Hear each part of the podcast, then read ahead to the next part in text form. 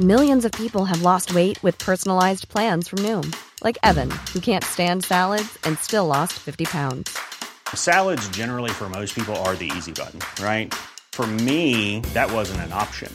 I never really was a salad guy. That's just not who I am. But Noom worked for me. Get your personalized plan today at Noom.com. Real Noom user compensated to provide their story. In four weeks, the typical Noom user can expect to lose one to two pounds per week. Individual results may vary.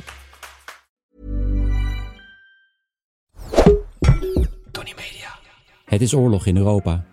Gaan we allemaal dood in een kernoorlog? Nee, ik denk het niet. Gaat deze oorlog de wereld veranderen? Dat weet ik zeker. In samenwerking met Dagblad Trouw probeer ik met deze podcast grip te krijgen op de oorlog. Elke dag houd ik je op de hoogte van de situatie in Oekraïne en Rusland. En dit gebeurde er op dag 90 van de oorlog. De stad Severodonetsk is nog steeds in handen van de Oekraïners. Er wordt daar nog wel steeds zwaar gevochten. In de stad kwamen vier burgers om het leven bij het bombardement van een flatgebouw.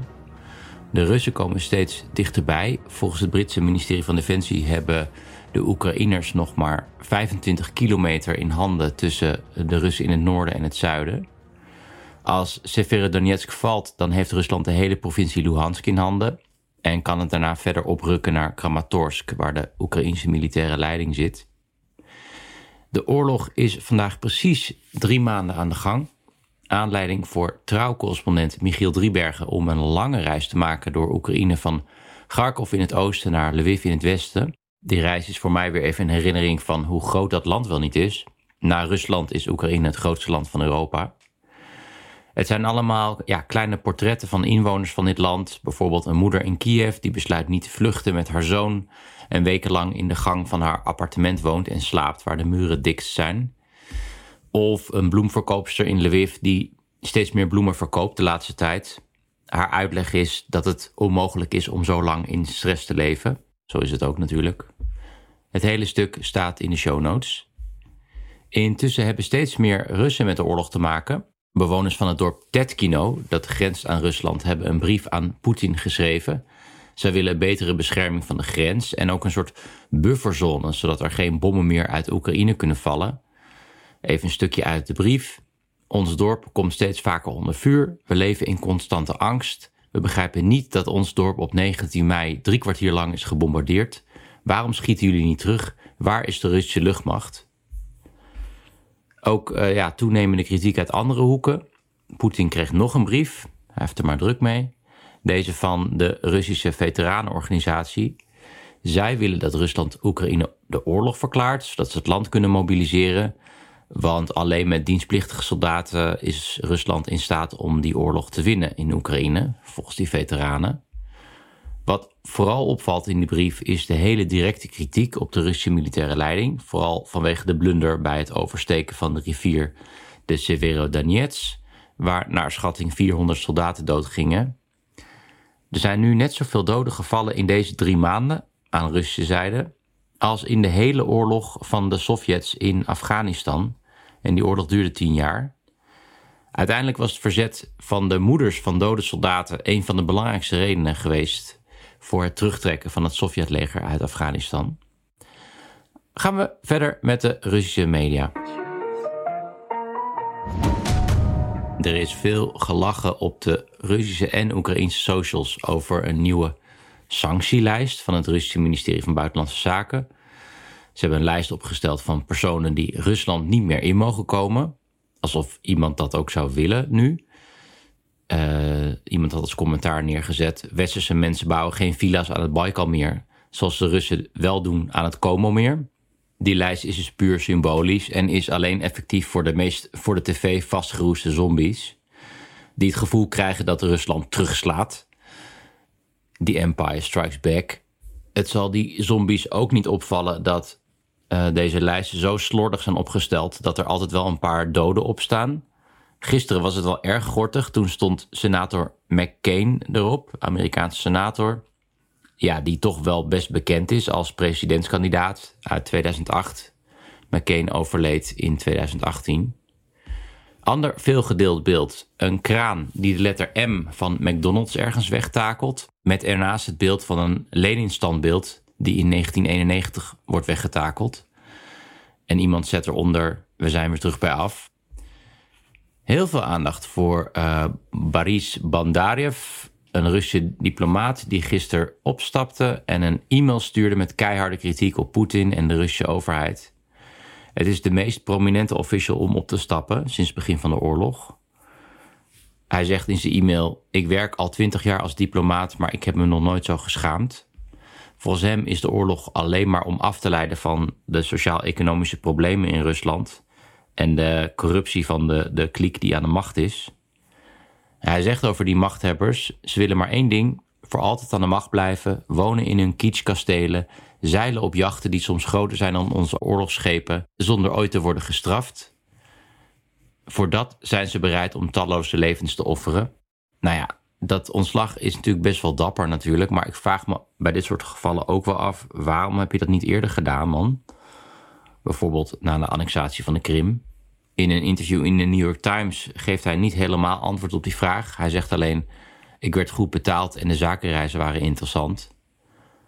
Terwijl hij zijn directe baas Lavrov een goed voorbeeld noemt van de degradatie van het systeem. Tja. Weer een andere hoek van verzet in Rusland. Uh, de ouders van een matroosje die omkwamen op het vlaggenschip de Moskwa. Volgens het Kremlin is daar maar één dode gevallen, maar volgens die ouders zijn dat er veertig. De vader van de matroos Dmitri Skrebits, waar ik op dag 50 aandacht aan besteedde, is nog steeds heel erg kritisch op het Kremlin.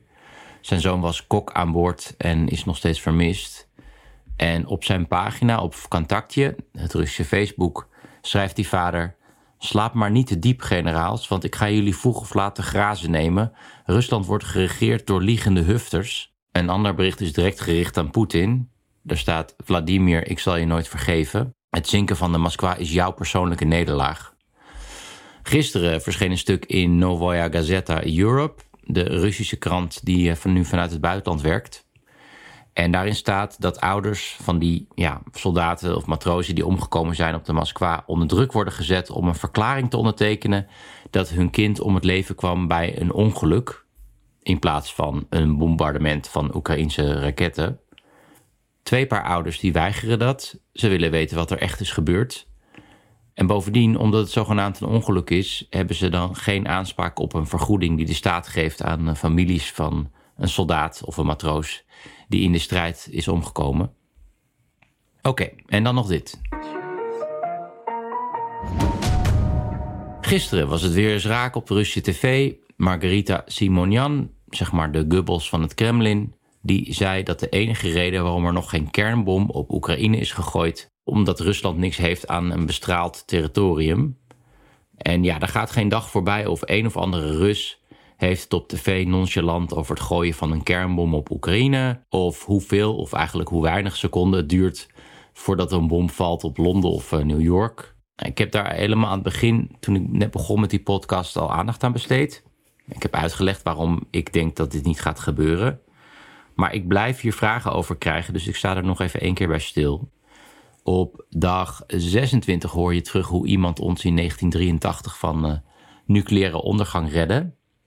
En op dag 22 leg ik uit dat Poetin in kern een rationeel wezen is. Hij begon de oorlog aan de hand van drie aannames. Namelijk één, de Oekraïners staan juichend langs de weg als we binnenkomen.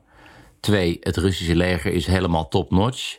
En drie, dat slappe Westen zal wel niet met sancties komen. Nou, hij zat er drie keer natuurlijk valikant naast. Maar het is geen gek. Hij weet dat als hij een kernoorlog begint, dat het dan ook gedaan is met Rusland. Zou Poetin nou echt het risico nemen om zijn eigen bevolking weg te vagen? Om alleen maar deze oorlog te winnen, die dus niet tegen Rusland gevoerd wordt, maar die die zelf is begonnen? Ik vraag me af. Rusland heeft bovendien een nucleaire doctrine. Ze zetten kernwapens in als Rusland wordt bedreigd door existentieel gevaar. Met andere woorden, als het voortbestaan van Rusland op het spel staat. Maar deze oorlog wordt in een ander land uitgevochten. Nou ja, misschien los van het dorp Tetkino dan, waar ik het eerder over had. Als Poetin zich al bedreigd voelt. Het enige wat hij hoeft te doen dan is zich terug te trekken uit Oekraïne. Geen oorlog meer, geen sancties meer. Alle ellende waar Rusland nu in zit, heeft hij aan zichzelf te wijten. Daarom vind ik de beeldspraak ook zo raadselachtig van een Poetin die in een hoek gedreven is, is gevaarlijk. Dat hoor je vaak. Maar welke hoek dan? Dit is niet Hitler die in zijn bunker zit in Berlijn. Dit is een man die comfortabel op het Kremlin zit en een oorlog in een ander land bevecht. En ik denk door in paniek te raken, erger nog door concessies te doen aan Poetin, door zijn nucleaire chantage, doen we precies wat Poetin wil. En Simon Jan en al die andere gekken. Dit doen ze overigens al langer. De afgelopen acht jaar dreigen ze regelmatig met kernwapens. Maar voordat deze oorlog begon, kraaide daar geen haan naar. Maar na mijn uh, theatercollege krijg ik dan nog wel eens de vraag: Maar Jelle, hoe zit het dan met tactische kernwapens? Dus een kernbom boven de Zwarte Zee laten ontploffen als waarschuwing. Is hij daartoe in staat? En dan antwoord ik altijd: wat zou China daar nou van vinden? Je moet goed beseffen dat Rusland niet zonder de steun van China kan. Voorlopig keurt China de oorlog niet af en Rusland en China hebben nu normale handelsbanden. Maar dat kan natuurlijk gewoon zo omslaan. Economisch kan China prima zonder Rusland. Vergeet niet, de economie van Rusland is maar zo groot als die van de Benelux. Het is echt een soort van dwerg. Andersom heeft Rusland China hard nodig. Gisteren nog pleitte minister van Buitenlandse Zaken Lavrov nog voor nauwere banden tussen de twee landen. Rusland verandert in rap tempo in een soort vazal van China, omdat ze simpelweg ook geen vrienden meer hebben. Wat zal China er nou van vinden als Rusland even lekker een kernbom laat ontploffen? Omdat ze gewoon gefrustreerd zijn. Wat is dat voor handelspartner? Wat als er ooit frustraties tussen Rusland en China komen? Die er trouwens wel vaker zijn geweest tijdens de Koude Oorlog. Uh, de landen delen een grens van 4200 kilometer. Bovendien heeft China met Oekraïne een verdrag afgesloten in 2013, waar ze beloven de Oekraïners te hulp te schieten als een land een nucleaire aanval uitvoert op Oekraïne. Oké, ik heb natuurlijk ook geen kristallenbol en natuurlijk is er altijd een mogelijkheid op een kernoorlog, hoe miniem ook. Maar daar leven we al mee sinds 1945. Kernwapens blijven volkomen absurde dingen natuurlijk, in handen van een heleboel landen die er wel vaker mee dreigen, bijvoorbeeld India en Pakistan. Maar daar moeten we ons niet door laten chanteren. Daarom besteed ik in deze podcast ook geen aandacht aan de dagelijkse dreigementen. En ik denk ook niet dat dat zin heeft. Ik denk dat ik dan precies doe wat Poetin wil.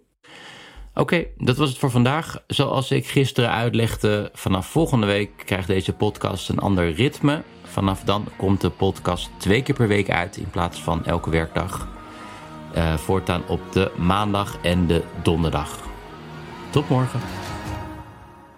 Dit was een productie van Tony Media en Dagblad Trouw. Voor meer verdieping ga naar trouw.nl.